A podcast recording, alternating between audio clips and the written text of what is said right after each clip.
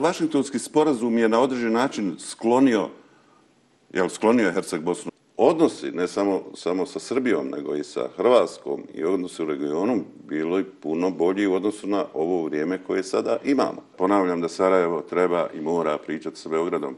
Ja uvijek mislim da postoje dvije Srbije i to pokazuju i sadašnje vrijeme. Ja mislim da, da bi Vučiću bilo lakše... Bez dodike. Bez dodike. Kuda Bakir Izetbegović vodi SDA? Uh, e, ja ponekad ne znam kud Bakir Izetbegović vodi stranku. Predsjednik Izetbegović Rahmetli svom sinu kazao sada u ovom trenutku da je živ da ide pogrešnim putem ukoliko se okrene uh, na put koji zaobilazi zapad.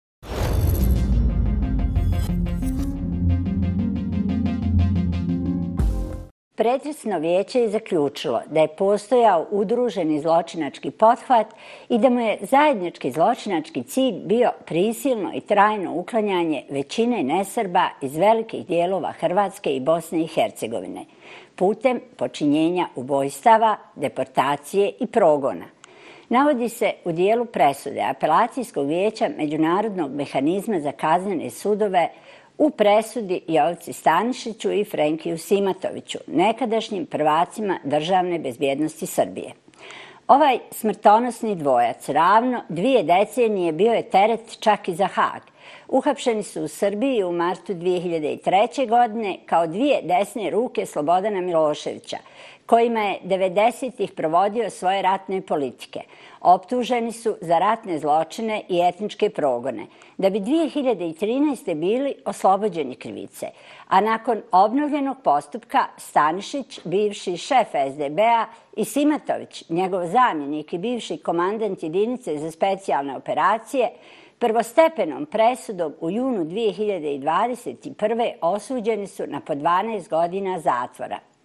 Tako su postali prvi državni funkcioneri Srbije osuđeni za umješanost za rat u našoj zemlji i Hrvatskoj. Apelacijsko je vijeće konačnom presudom od po 15 godina zatvora svakom ne samo potvrdilo ono što smo svi znali, da je dakle Srbija vodila rat na Balkanu, već time i zapečatio sud. Sa mnom je danas trebao biti i razgovarati aktuelni ministar sigurnosti, no pokazao se nesigurnim. Zato je naš današnji gost bivši ministar sigurnosti, rođen u Srebrenici, Sadik Ahmetović. Na prvim višestranačkim izborima 1990. izabran je za zastupnika stranke demokratske akcije u Skupštini svoje općine. Bio je član Patriotske lige Bosne i Hercegovine, borac armije BiH, koji je iz rata izašao s činom natporučnika. Tokom poratne političke karijere biran je u kantonalnu skupštinu, ponovo u skupštinu općine Srebrenica, potom za zastupnika SDA u Narodnu skupštinu Republike Srpske i u konačnici u parlament Bosne i Hercegovine. Bio je član najviših organa stranke, ali ju je 2017. napustio zbog neslaganja s politikom vrha. I od tada je ovaj doktor nauka već drugi put na birovu za zapošljavanje. Dobrodošli. Hvala. Vaša prva reakcija na konačnu presudu Stanišiću i Simatoviću bila je da je Hag definirao karakter rata koji se vodio protiv Bosne i Hercegovine. Rekli ste naime da je sad stigla i međunarodna potvrda da je riječ o agresiji, a ne o građanskom ratu. Na čemu temeljite ove tvrdnje? U prvi mah je to bila reakcija na bazi onoga što je kazao Srđ Bramec odmah negdje nakon Tušte, presude i Haški. on je izrekao tu rečenicu da je konačno utvrđen karakter rata i da, da, da se nije radilo o građanskom ratu u Bosni i Hercegovini. Uh, imajući u vidu i ranije presude koje su se desile u Bosni i Hercegovini, od činjenice da prvo pod, pred Međunarodnim sudom pravde u Hagu, kada je Srbija presuđena da nije spriječila genocid, i nakon toga ove dvije presude koje su uh, obilježile kraj rada Haškog tribunala, kad je, prva kad je u pitanju UZP Republike Hrvatske i ovaj drugi kad su u pitanju dvojica čelnih ljudi SDB-a Republike Srbije. Srbije. Da li je moja odluka preduhitrena ili nije, ona je izrečena na bazi onoga što je kazao onaj koji bolje razumije pravo od mene, a to je glavni, glavni tužilac Haškog tribunala Serđ Bramec. I ja mislim da on zbog činjenice da se nalazi na toj poziciji, nije to rekao na pamet. Nažalost, iza toga je bilo nekih pravnih stručnjaka koji su to dovodili u pitanje, ali ja naprosto mislim da sve ono što je kazano u svim tim presudama trebaju se time baviti ozbiljni pravnici u Bosni i Hercegovini. Ako ih nemamo, a ja mislim da ih imamo, trebamo ih potražiti u svijetu, ne trebamo praviti nikakve nekakve polukomisije ili, ili nešto što bi to bilo samo drži vodi dok majstori odu, ali ja mislim da zaista trebamo okupiti najbolje ono što imamo u Bosni i Hercegovini kako bi izanalizirali sve ono što je radio Haški tribunal, a njegov rad je evo završen. I ono što je bilo u presudi e, Međunarodnog suda pravde u Hagu i na bazi toga napraviti nekakvu vrstu i političke i stručne akcije prema institucijama koje bi promijenile neke stvari u Bosni i Hercegovini ukoliko je to moguće na bazi tih presuda. A kako mislite promijenile? Šta to, šta to pa, znači? Šta treba mijenjati pa, na bazi presuda? Pa ja mislim, dakle, prvo presuda UZP Republike Hrvatske je na određen način anulirala ono što je u presudi.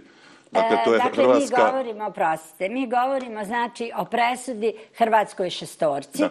koja je dobila 110 godina dakle. zatvora i u kojoj zaista stoji da je udruženi zločinački pothvat. Poduhvat koji ima za cilj formirati Herceg Bosnu, očistiti ovaj, na e, hrvatskom stanovništvu. Ima temelje u Zagrebu, u Hrvatskoj, je, što je jako gdje, bitno tako, za, za ovu priču. Gdje se pominje i vojni i politički vrh Republike Hrvatske.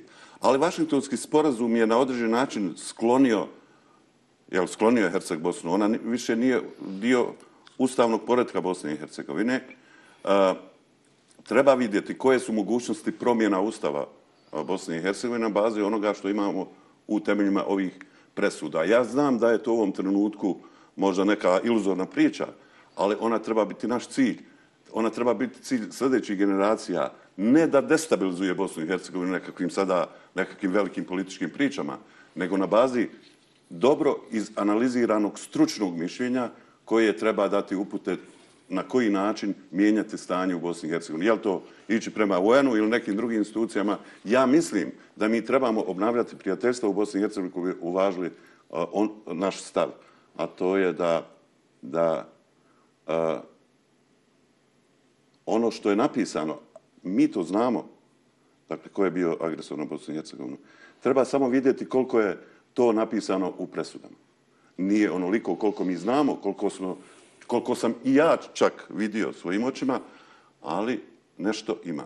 Dakle, jer mi treba se konačno postaviti pitanje da li je moguće da, recimo, policija Republike Srpske, koja je dio sigurnosnog sistema u Bosni i Hercegovini, može a dio opstati. I presude. A dio presude Međunarodnog suda pravde u Hagu za zločin genocida. E, za zločin. Da li kao takva može opstati u sistemu sigurnosti u Bosni i Hercegovini. Je li to moguće?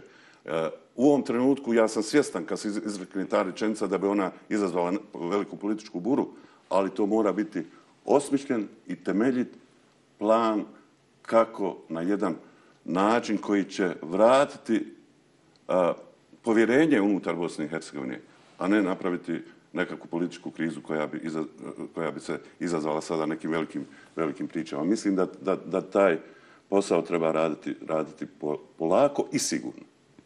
I stručno. Isto, naravno, stručno. Dobro. Hvala vam. E, ja vas moram podsjetiti da je, recimo, početkom 2017. isticao rok za podnošenje revizije tužbe Bosne i Hercegovine protiv Srbije e, također pred Međunarodnim sudom pravde. E, šta se onda dogodilo? Dakle, imali smo onaj skup u Vječnici na kome je bio gospodin Bakir Izetbegović gdje je tražio podršku za to, a e, već prije toga mediji su vrlo jasno e, i glasno dali do znanja i objavili da Bosna i Hercegovina zapravo nema agenta svog u Hagu. Kako je vama to izgledalo? A mene za taj, taj dan veže onako jedna vrlo, vrlo ru, ružna uspomena. Dakle, ja Zašto? Sam, ja sam, nisam pozvat taj dan u, u, u vječnicu. Iako sam bio iz Srebrenice preživljava žrtva genocida i jedini bošnjak u narodnoj skup, u, u, u parlamentu Bosne i Hercegovine iz Republike Srpske. Državni parlamentarac državni iz, iz Republike tako Srpske je. u tom času. A imajući u vidu da sam bio član jedne, kad je smo trebali e, dobiti mjesto na kome će se izgraditi memorialni centar na Potočarima, ja sam bio u prvoj komisiji Skupštine opštine Srebrenica koja je trebala pronaći lokaciju. Jeste bili u onoj grupi koja je dočekala Holbruka? I mi smo, dakle, bila su dva bošnjaka, dva, dva, dva srbina i bio jedan međunarodni predstavnik. I mi smo naravno tragali za tim mjestom, ali smo uvijek imali zahtjeve porodica da to bude na mjestu odakle počeo genocid, u to u Potičaru. I mi smo- nismo ostupali od tog stava.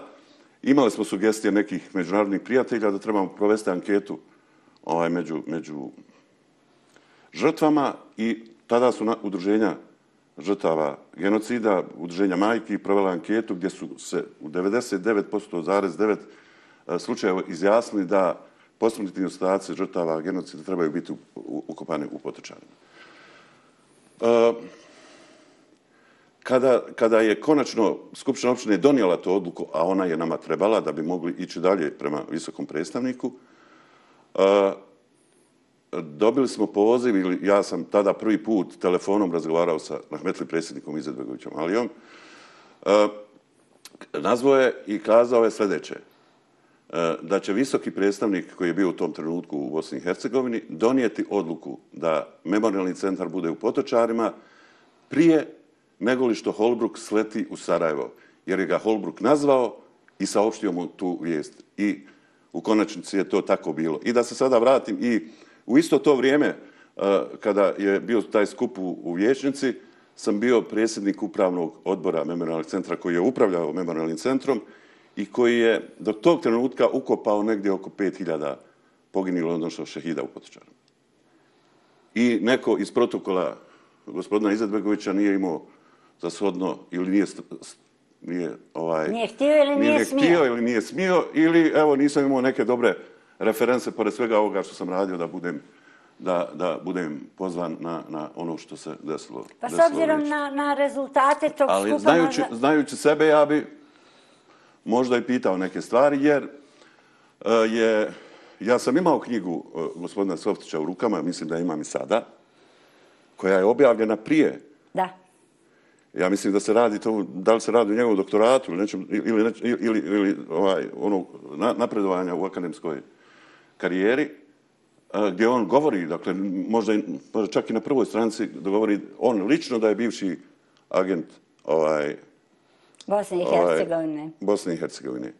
I tako, bilo je tu, bilo je još nekih, nekih informacija koje su pismenih iz, iz Međunarodnog suda pravde u Hagu da mi nemamo agenta i kada š, ta, pos, pos, koraci posle tog su bili koraci koji, koji u, obični pravnici bi sugerisali da se ne ide ta, na takav način, koji nisu imali veze dakle, sa, sa nekim međunarodnim procedurama, procijenili bi ako nemate aktivnu legitimaciju, ne možete pristupiti nigdje.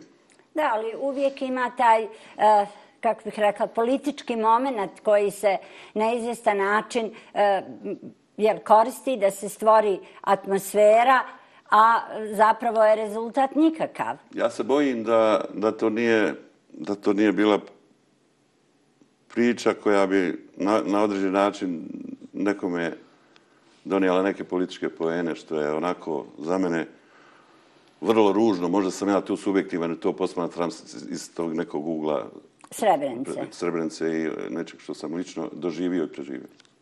E, Brojni eksperti koji su se, koji smo mogli čuti, govorili su i o oslobođenju i na ovom kanalu i na svim televizijama u Bosni i Hercegovini, e, posljednjih su dana zapravo rekli da je posve izvjesno da nakon ove presude E, žrtve mogu tražiti pravdu pred lokalnim srbijanskim sudovima.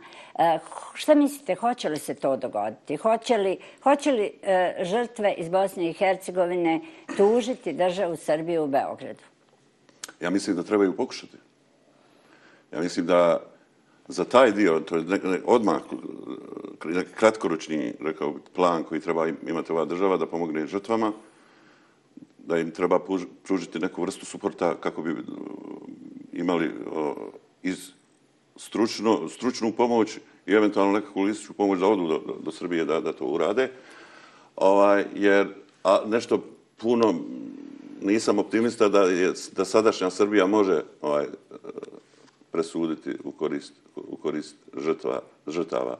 Ali ja mislim da ono što formalno pravno pripada ovaj, žrtvi iz presuda, da se i mnogi, kako se, mnogi govore o tome da je to moguće, da ja mislim da treba napraviti taj korak. Ima nekih i drugih onaj prijedloga koji nisu za odbaciti, kojima treba razmisliti A koji su to prijedlozi?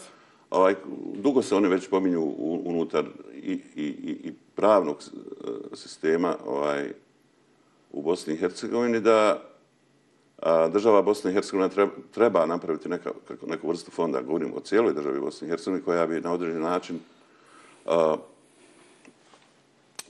a, žrtvama u Bosni i Hercegovini dala neku vrstu nad, nadoknade. Mislim da bi to bio a, dobar osnov da, da se situacija u Bosni i na takav jedan mirni i drugačiji, da, bu, da bude cijela država u to uključena, a, a, a, da se napravi taj, taj nekakav, rekao bi, odnos prema onima koji su izgubili nekog u, u Bosni i I ja mislim da u okviru te, toga treba razgovarati sa svim onim državama i institucijama u svijetu koje se pominju u presudama da budu dio, dio uh, sufinansiranja takvog jednog jednog projekta, što svakako ne znači da treba odustati bilo ko od pojedinačnog uh, sudskog slučaja ili spora sa, sa Republikom Srbijom ili, ili, ili nekim drugim institucijama.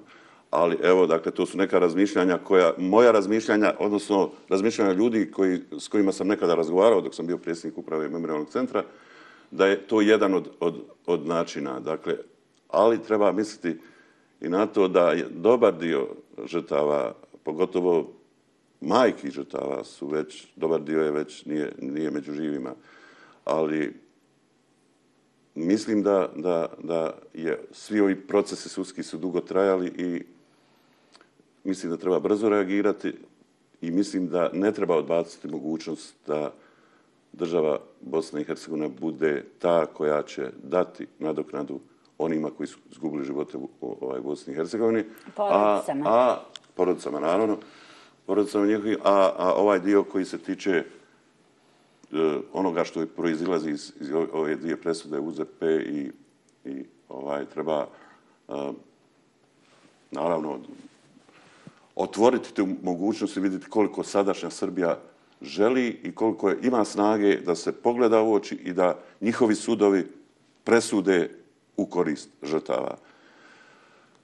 Ja ne znam, možda bih rekao napamet da li je to moguće u ovom trenutku da, da neko od sudija u, u Srbiji e, donese jednu takvu presudu, ali ja uvijek mislim da postoje dvije Srbije i to pokazuju i sadašnje vrijeme ovaj, i vrijeme ovih i protesta u Beogradu i sadašnjih političkog stanja i e, nečega što sam ja u određenom trenutku dok sam bio aktivan u politici spoznao kroz neku vrstu suradnje sa Beogradom da ipak postoje, postoje dvije Srbije. Postoji Srbija koja jasno vidi ono što se desilo u Bosni i Hercegovini i ima jasan stav o tome. Mislim da aktuelna Srbija, odnosno govorim političkom ovaj, rukovodstvu, ovaj, to, to nema ili na određen način pravi nekakvu vrstu ovaj, slaloma da, da izbjegne svaku mogućnost da, da se s tim suoči. Uh, ja mislim da će, da će demokratizacija Balkana približavanjem Evropskoj uniji doći do, do tog nekog, ajde da kajem uslovno vremena kada će kada će biti moguće. Koliko smo mi blizu tim procesima Balka, demokratizacije Balkana i ubrzanja ka Evropskoj uniji? Šta mislite? Pa š, Švedska je od kandidatskog statusa do ulaska u Europsku uniju, mislim da je šest godina provela u, u, od, od kandidatskog ulaska u Europsku uniju. Ja pitam za procese e, reformi koji su ovdje Ovaj, neophodni. Ja sam radio jednu, jednu malu u odnosu na sve to što Bosnu i Hercegovinu čeka reformu. To je bezvizni režim koji je bio direktor naslonjen na Evropsku, Evropsku uniju. Dakle, to je, to je vrlo malo u odnosu na ono što čeka Bosnu i Hercegovinu na sve zemlje ovaj, Zapadnog Balkana. Ovaj, I to je vrlo, bio je vrlo, jedan vrlo težak i muk- mukotrpan posao s aspekta onoga kakva je Bosna i Hercegovina da se oglasi sve ono što treba poslati kao odluku, kao, kao stav Bosne i Hercegovine, ali ako počnemo raditi sad, jer nismo radili zadnjih deset godina ništa, ovaj, možda ćemo moći za nekih deseta godina biti članica Evropske unije. Pa dobro, ja sam zagovornik e, teze da je važno da krenemo u procese, pa onda će biti sve do Evropske unije. U ovom času zaista je, e, zaista je Pa do nas. drugačiji, ja mislim da, da, da, da, da, da, posle ukrajinskog rata da, da je drugačiji odnos Evropske unije prema Zapadnom Balkanu jer, i mislim da su i oni spoznali neke svoje greške kad je u pitanju pristupanje zemalja, otvaranje pregovora recimo sa, sa Albanijom, Makedonijom i tako dalje, koji su određeni ispričnice kad je u pitanju Makedonija, da ne kažem ništa ali, drugo. Ali ja mislim da treba iskoristiti ovaj trenutak u, u, u, u Briselu i da treba Bosna i Hercegovina aktivnije, brže pristupiti onom prvo iz ovoga što, što imamo ispred sebe, to je ovih 14 uslova, a nakon toga je to jedan jedan veliki posao koji, koji, koji, koji treba ura- uraditi u svakom naravno. slučaju. Ali je važno da mi u taj posao krenemo. Vratimo se ovim presudama. E, pretpostavljam da ste kao Srebreničan, kao neko ko, ko jako puno vremena provodi u Srebrenici, ipak u kontaktu sa onima koji su e, svoje procese već vodili protiv jedne države. Govorimo o Nizozemskoj, jeste, i dobijenim presudama. Koliko je to trajalo? Šta kažu e, porodice? A trajalo je dugo, ali ja mislim da trajalo skoro i decenu jedan, jedan projekt, proces Ja koji je sam vozio. tražila Da, da, početke Mislim da, da, da je to u slučaju porodice Mustafić i Nuhanović trajalo možda i više od decenije. A, to je proces koji su žrtve dobile u Holandiji pred sudovima jedne demokratske zemlje gdje su sudovi odvojeni od uslovno od politike, bar u puno većoj mjeri nego li je to slučaj sa nekim zemljama o koje smo spominjali ranije. A, kad je u pitanju ono što postoji tu jedna, kako bih rekao, pravna začkoljica koja je, koja je u, plasirana u, kad su u pitanju pravo onih koji mogu podnijeti tužbu za krivnju Holandije, da oni prihvataju tužbe onih koji su bili, koji su ušli u, u kamp. A, oni ne podrazumijevaju da je holandski bataljon štitio kompletnu Ja, zaštićenu, zaštićenu zonu zonu UN-a. nego... Tako da samo taj spisak koji je, čak ni oni koji su ušli, a ne nalaze se na spisku, ne mogu Nisu mogli da, da pristupe, pristupe procesu. procesu na sudu u Holandiji.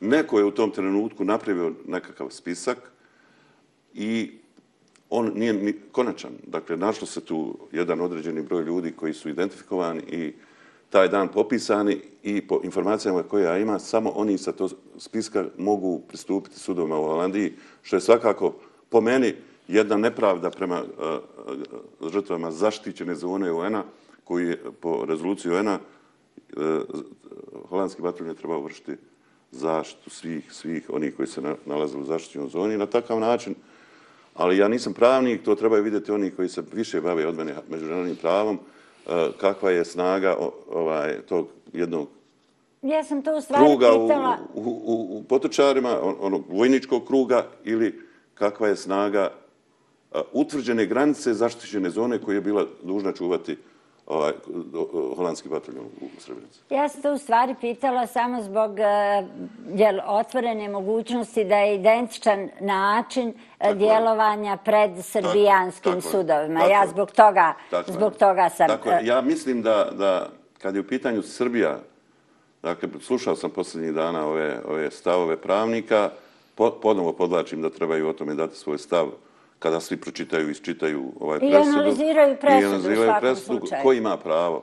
Dakle, po nekima to imaju samo pravo oni koji su, su pobili škorpioni, jer se Srebrenica u presudi ne spominje, nego se spominje Trnovo gdje su škorpioni ubili Da, ali a, se e, spominje duži period e, djelovanja SDB-a, U- odnosno i jednog i Jeste. drugog e, Čak- presuđenog. Čak ja mislim da ima u jednom priznanju, a, da, mislim da, da, da Deronjića Eh, u, u Hagu koji je priznao onaj, na, sa, sa, sa sudom se priznao svoje, svoje učešće u, u, u, u, u Srebrenici, eh, da je neko iz DBA, ja neka sam znao ime tog, mislim da imam negdje to zapisano, dočekao Jovi, Jovicu Stanišića u Zvorniku na mostu i odveo ga na jedan na jednom području u Srebrenicu gdje su planirali ovaj Srebrenicu. Dakle, to ima u, u, u, u, ovom priznanju ovaj Daronića. Tako da je to ta uloga puno veća u odnosu na ono što su, do čega su mogli doći ovaj istražitelj Haškog tribunala, ali trebamo vidjeti koliko je sadržano onom što već u presudi ima. Da, ali je ta presuda beskrajno važna u Tako ovom je. času i nekako se čini i logičnim da se krug e, i zatvaranje ovaj, Haškog tribunala i mehanizma zapravo e, dogodio jednom ovakvom, ovakvom presudom. Ja znam da je bilo i puno komentara da je presuda i ova, jel, da je politički motivirana. Mene u stvari zanima nešto drugo. Ako se ne varam, 2010. još je Skupština Srbije e, donijela odluku da usvoji deklaraciju o Srebrenici. Ta deklaracija u Srebrenici koliko se sjećam teksta, ima bukvalno i sažetak presude Međunarodnog suda pravde u Hagu. E, dakle, mi govorimo o najvišem e, organu susjedne države. Zašto zašto, o čemu zapravo trebamo govoriti tu? Da li je postojala šansa da se od te 2010. ili da li postoji šansa danas da Srbija i Bosna i Hercegovina na drugačiji način definiraju svoje susjedstvo, odnosno svoje e, političke odnose kad, već, e, kad su već postignuti recimo to tako, formalno pravni uvjeti i zato, jer na taj način država Srbija je priznala genocid u Srebrenici. A tada u Srbiji bi predsjednik bio Boris Tadić. I ja mislim da je to ono Mislite što... da to uvijek zavisi od predsjednika, ja? Pa u, na Balkanu vrlo često. Dobro, Vrlo često. slažem se, ali moram ovaj, pitati. Vrlo Zbog često. toga. A, zbog toga sam u ranijem u nekim odgovorima kazao da postoje dvije Srbije. Meni je ta Srbija iz tog perioda ovaj, bila drugačija. Srbija koja je imala snage, ne toliko, ali imala snage da se suoči sa Bosnom i Hercegovinom u onom obliku ka, i, i ratnom e, I sa svojom, Srbije. Tako je. jeste, sa svojom taj ulogom u period, Bosni i Hercegovini. taj period uh, je period kada je, ja mislim da je Srbija izručila negdje oko 40 osoba, uglavnom su to bile visoko rangirane osobe iz političkog i vojnog. rekli. I uspjeli su donijeti ovu rezoluciju u, u, u Skupštini uh, Srbije, koja ne pominje genocid, ali se poziva na presude Međunarodnog suda pravde u Hagu, gdje se pominje genocid. Naravno. Dakle, to je ono što I, je ta, iz tog... I ta je presuda sastavni dio Tako deklaracije. je, tako je. Tako da i tada su odnosi, ne samo, samo sa Srbijom, nego i sa Hrvatskom i odnosi u regionu bilo i puno bolji u odnosu na ovo vrijeme koje sada imamo. Stoga mislim da ja nisam optimista da se u ovom trenutku mogu napraviti neki veliki koraci, što ne treba, ali ne treba odustati da se koraci ne naprave u onoj mjeri koliko je to moguće da se relaksiraju odnosi u regionu, pogotovo ovaj trougao Srbija, Hrvatska, Hrvatska i Bosna i Hercegovine, što je od velikog, u principu od najvećeg značaja to za a, Bosnu i Hercegovinu i stoga oni koji sada vrše vlast a, mislim da trebaju praviti te korake da se odnosi i sa Beogradom i sa Zagrom a, relaksiraju i da se pokuša napraviti taj neki korak, korak naprijed. Ukoliko o, o, o, budemo prakticirali kontinuiranu svađu, ona će svakako naš, najviše naštetiti Bosni i Hercegovini. To znaju i unutrašnji nekakvi elementi ili političari koji, koji, koji e, imaju dakle, sadaš značajnu ulogu u političkom životu u Bosni i Hercegovini, koji će na određen način te procese zaustavljati.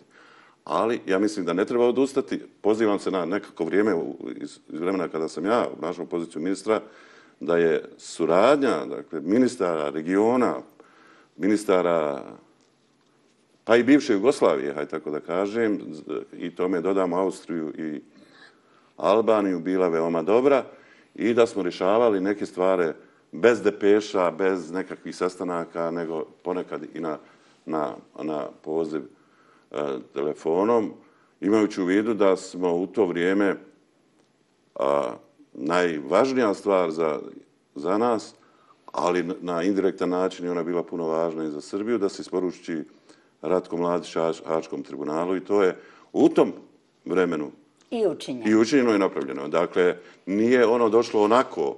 Dakle, Naravno. bilo je to puno posla i svih i sigurnosnih agencija i svijeta, partnerskih, i naših sigurnosnih agencija i a, E, to je pokazatelj da se najteže stvari mogu riješiti ukoliko, ukoliko se razgovara i ukoliko se ti odnosi postave na neke osnove koje su a, osnov za, bar sa suradnju, hajde tako da kažem. Ne, da ne govorim prijateljski, jer je to u ovom trenutku rano, ali, ali da se odnosi između zemalja postave da funkcioniše sistem koji je koristan za obje zemlje ili za sve tri zemlje, ja mislim da svakako to u budućnosti treba raditi. I to je ono što uh, i aktualna vlast ima nekakvih nagoveštaja onaj, da, će da, da će učiniti, što svakako treba pohvaliti. Jedna od stvari koja nije učinjena uh, jeste eh, raspetljavanje slučaja od 11. jula 2015. incidenta koji je eh, eh, napada zapravo na srbijanskog predsjednika Aleksandra Vučića.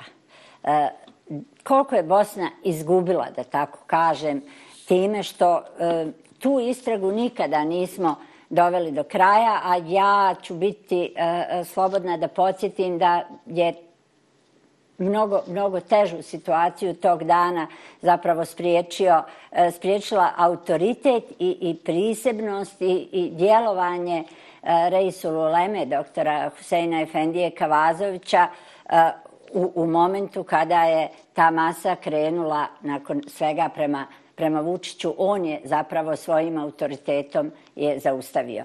Kako se moglo dogoditi da se jedan takav slučaj ne raspetlja? Ostao je i dan danas neki, nazovimo ga, problem između, između obje zemlje.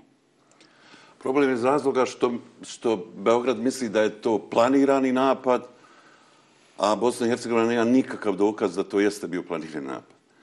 Uh, ja sam Mislite da je to podvala iz Beograda? Pa mislim da, da to oni podižu na nivo da je, da, da je to bio isplanirani napad. Ja sam taj, taj kompletan događaj posmatrao. Dakle, imao sam priliku slučajno da posmatram. E, e, ambasada Sjedinja američkih država je taj dan tražila od mene kao predsjednika upravnog odbora memorialnog centra i načelnika općine Srebrenica, gospodina da budemo zajedno sa Billom Clintonom. I obzirom da su to Amerikanci, oni su bili prvi koji su ovaj, bili su na čelu kolone koja je išla iz, iz, iz prostora fabrike akumulatora gdje je bila komemoracija. I s obzirom da je gospodin Clinton... Bivši američki predsjednik, tako je. Ne samo tako, bivši američki tu, predsjednik, nego neko u čijem otvorio, mandatu prije, jeste. Tako je. On je i otvorio ovaj memorialni centar i došao je na... Tako ljude na to. Tako je. I mi smo išli naprijed. I mi smo uspjeli doći na poziciju gdje su ovaj, trebale e, pristovati komemoraciji e, VIP ličnosti i delegaciji svijeta, koji je bilo tada jako puno. I mi smo imali priliku posmatrati taj dio napada, uslovno, na, na, na, na Vučića. Ja imam o tome svoje mišljenje jer sam tuda prošao sutradan, dakle, kada nikoga nije bilo, dakle, na tom putu koji je Prvo, ja mislim da su e, sistem sigurnosti pogriješio u, u našoj zemlji. Ja mislim da nije trebalo, ukoliko su postojale nekakve procjene da može doći do, do nekog ekscesa, provoditi ovaj, delegacije kroz, kroz, tu, kroz tu masu, jer je bilo, bilo, bilo je jako blizu. E, ne znam ko je odlučio da to tako bude. E, E, I mi smo uspjeli doći na, na tu poziciju koja, sa koje se vidi kompletan prostor. Dakle, ja, ovaj. Memorial, tako. Svi, ko god je bio zapravo zna tu poziciju. Sutradan sam vidio da, da, da je tuda, kuda su prolazile delegacije, da je na sa svih strana bilo puno uh, me, od, uh, mjesta gdje su se taj dan kopale žrtve. A u svakom tom Na svakom tom mjestu bilo je po deset lopata, nečega što, što je služilo za, za, za zagrtanje mezara.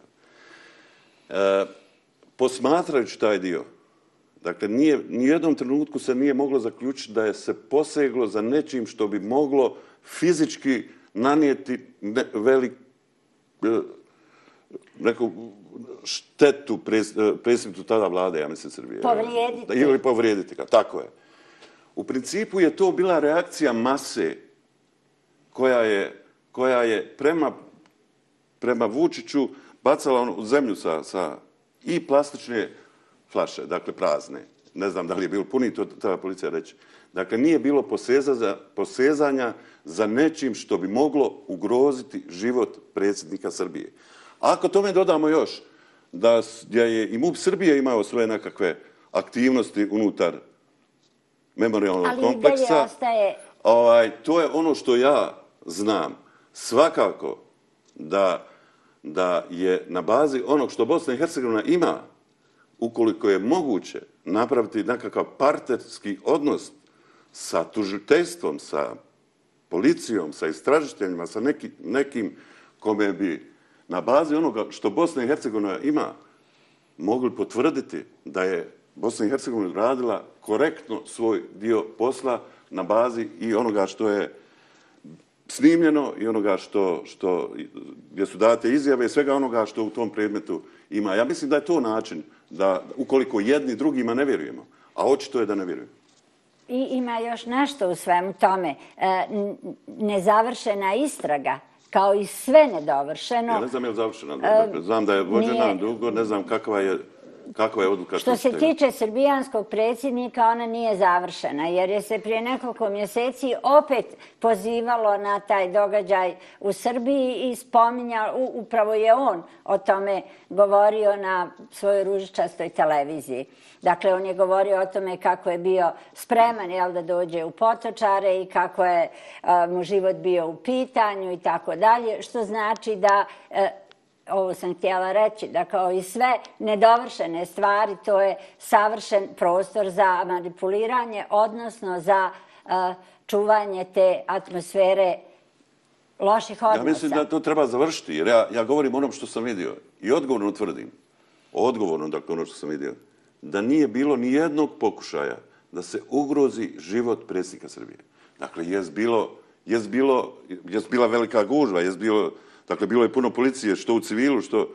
Ali isto tako mislim da, da uh, uh, Bosna i Hercegovina i Republika Srbija trebaju na bazi onoga što ima ovaj, zaključiti to, to kako bi se odnosi između dvije zemlje podigli na veći, veći nivo.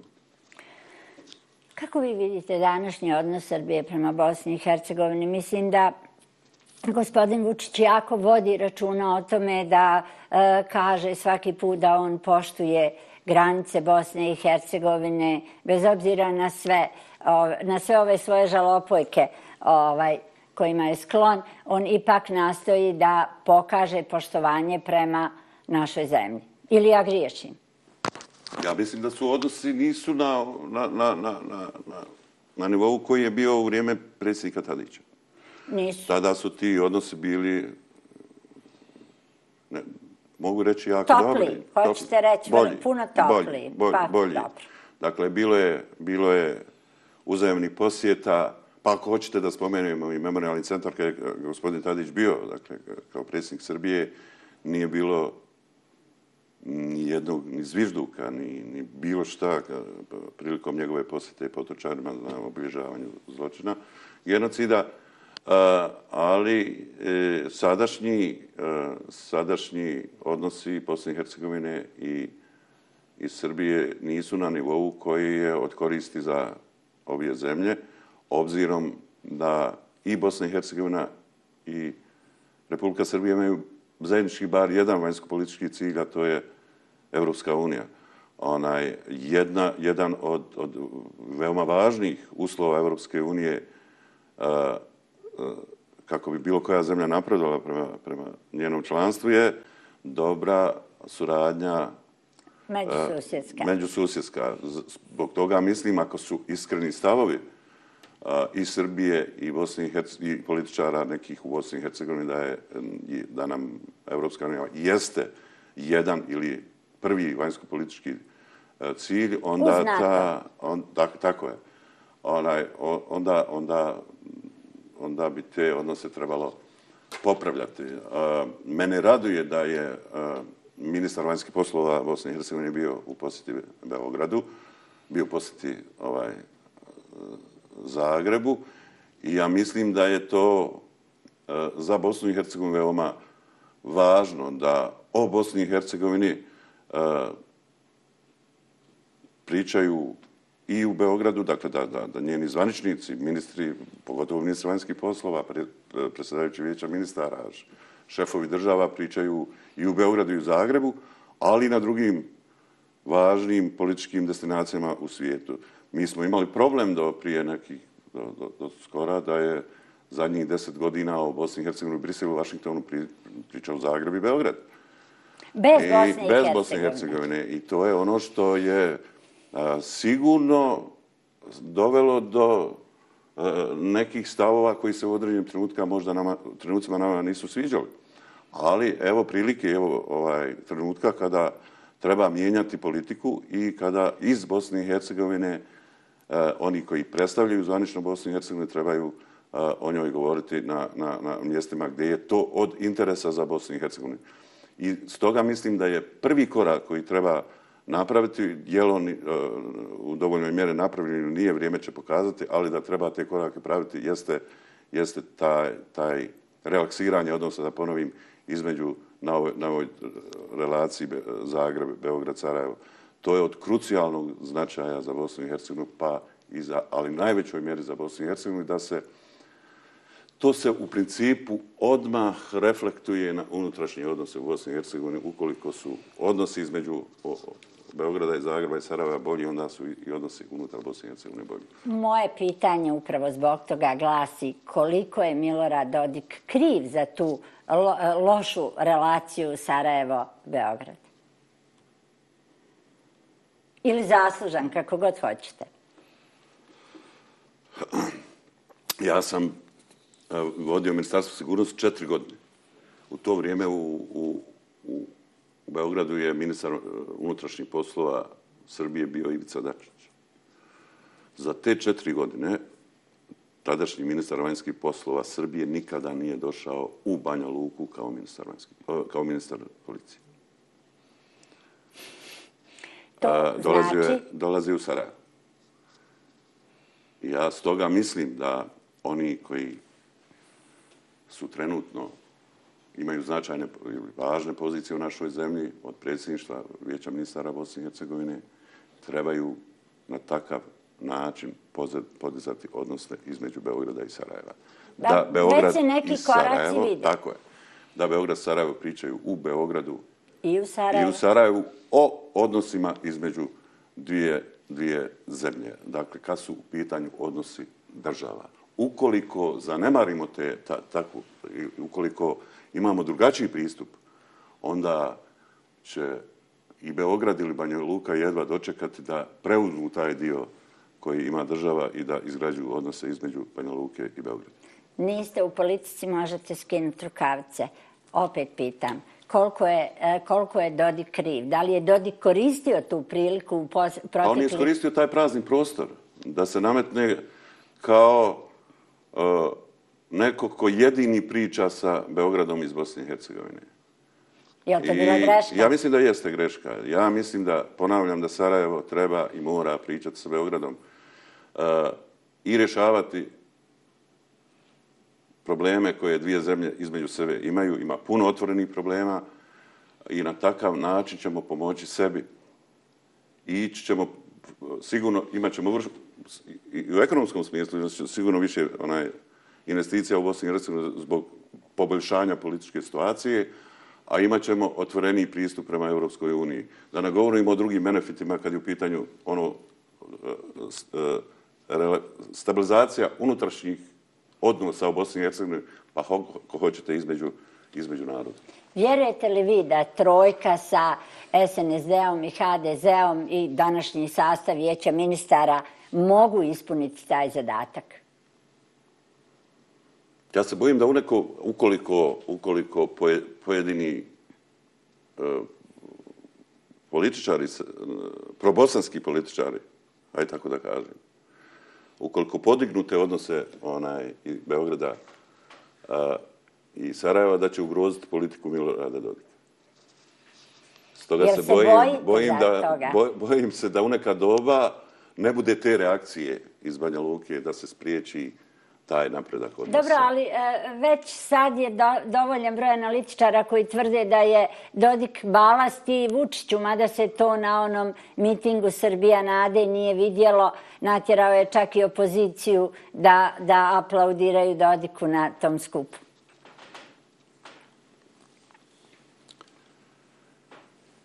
Ja mislim da, da bi Vučiću bilo lakše... Bez Dodike. Bez Dodike.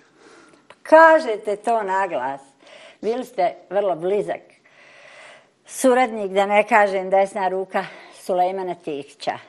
A SDA ste napustili nakon e, možda tri godine liderstva partijom e, današnjeg aktualnog predstav, predsjednika Bakira Izetbegovića i niste jedini. Dakle, iz SDA je nastalo i nekoliko partija, odlasci su stalni, nedavno je E, stranku napustila i dugogodišnja njezina članica i, i jel, članica i organa stranke, gospođa uh, Alma Čolo. Kuda Bakir Izetbegović vodi SDA? A kuda Bošnjake? Je vodio. E, nekad kada, kada procenite kud neko ide, mogli bi se tome suprostaviti. Eh, ja ponekad ne znam kud Bakir Izetbegović vodi stranku. Ali ono što znam, da je ne vodi onim putem koje je vodio Sulejman Tihić, odnosno Alija Izetbegović.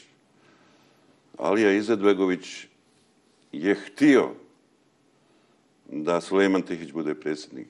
Drugačije niko nije mogao biti predsjednik SDA ukoliko to nije tako odlučio rahmetli predsjednik Izetbegović. Stoga mislim da je on... A da li je gospodin Izetbegović, a kad već o tom pričamo, ostavio u amanet gospodinu Tihiću da stranku preda njegovom sinu? Puno je se o tom pričalo i polemiziralo u javnosti. Šta vi mislite? Pa ima neke stvari koje ne mogu reći zbog familije gospodina Tihića, koje nisu negativne, naravno. Onaj, Ja sam možda sa zadnji razgovarao s njim od, od ljudi koji su s njim surađivali pred njegovu smrt i znam što o tome on misli. Ali svakako znam da ovaj put nije put koji smo mi trasirali kad je pitanju stranka i njena profilacija. Bio je to težak put da stranku nakon, pokreta... nakon pokreta pretvorimo dakle, za neko sadašnje vrijeme, ovaj, vrijeme e, kada će ona biti slična onim vanjsko-političkim težnjama Bosne i Hercegovine, a to je Evropska unija, NATO savez. I znam kada smo mijenjali emblem, pa smo stavljali one tri boje umjesto samo zelene, da je bilo otpora unutar SDA, Znam kada smo u status stavili da, da, da ćemo baštiniti vrijednosti antifašizma, da je opet bilo otpora da se i ta rečenica tamo ne nađe. Znam da je otvorena mogućnost da unutar SDA bude i nebošnjaka i čak i u rukovodstvu da se to jasno precizira koji je to broj ili procenat. I znam da je bilo otpora nekih ljudi da to tako ne bude.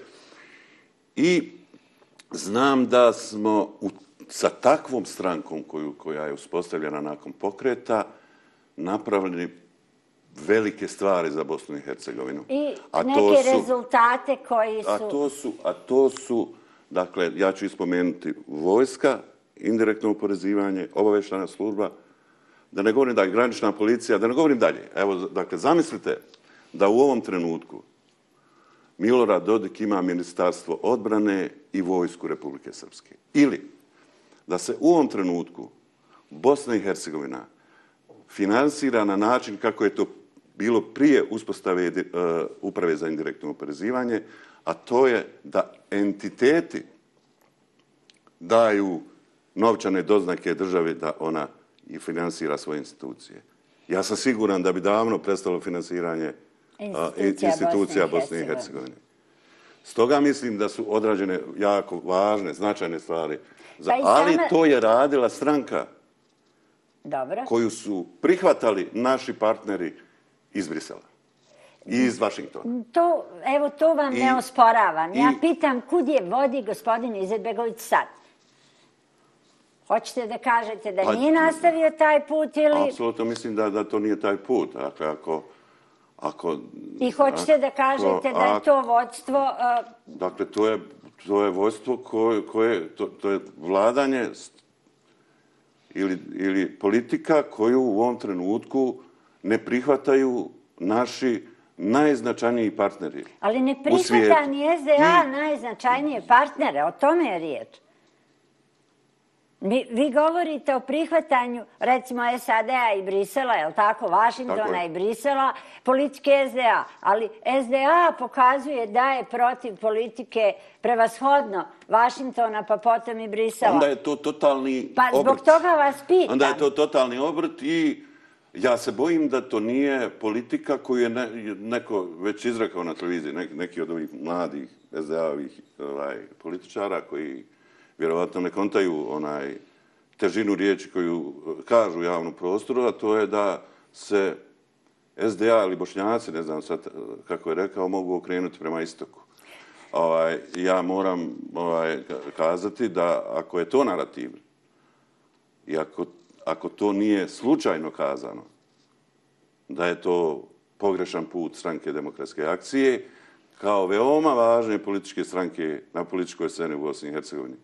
Jer a, ukoliko se pravi takav zaokret, to će biti loše i po Bošnjake i po Bosnu i Hercegovini. Dakle, to su okretanja prema diktaturama i autokratijama, što svakako nije istoku od kojeg Bosna i Hercegovina a, nije imala neku veliku korist kad je u pitanju ovaj ratni ili postra, pogotovo postratni period.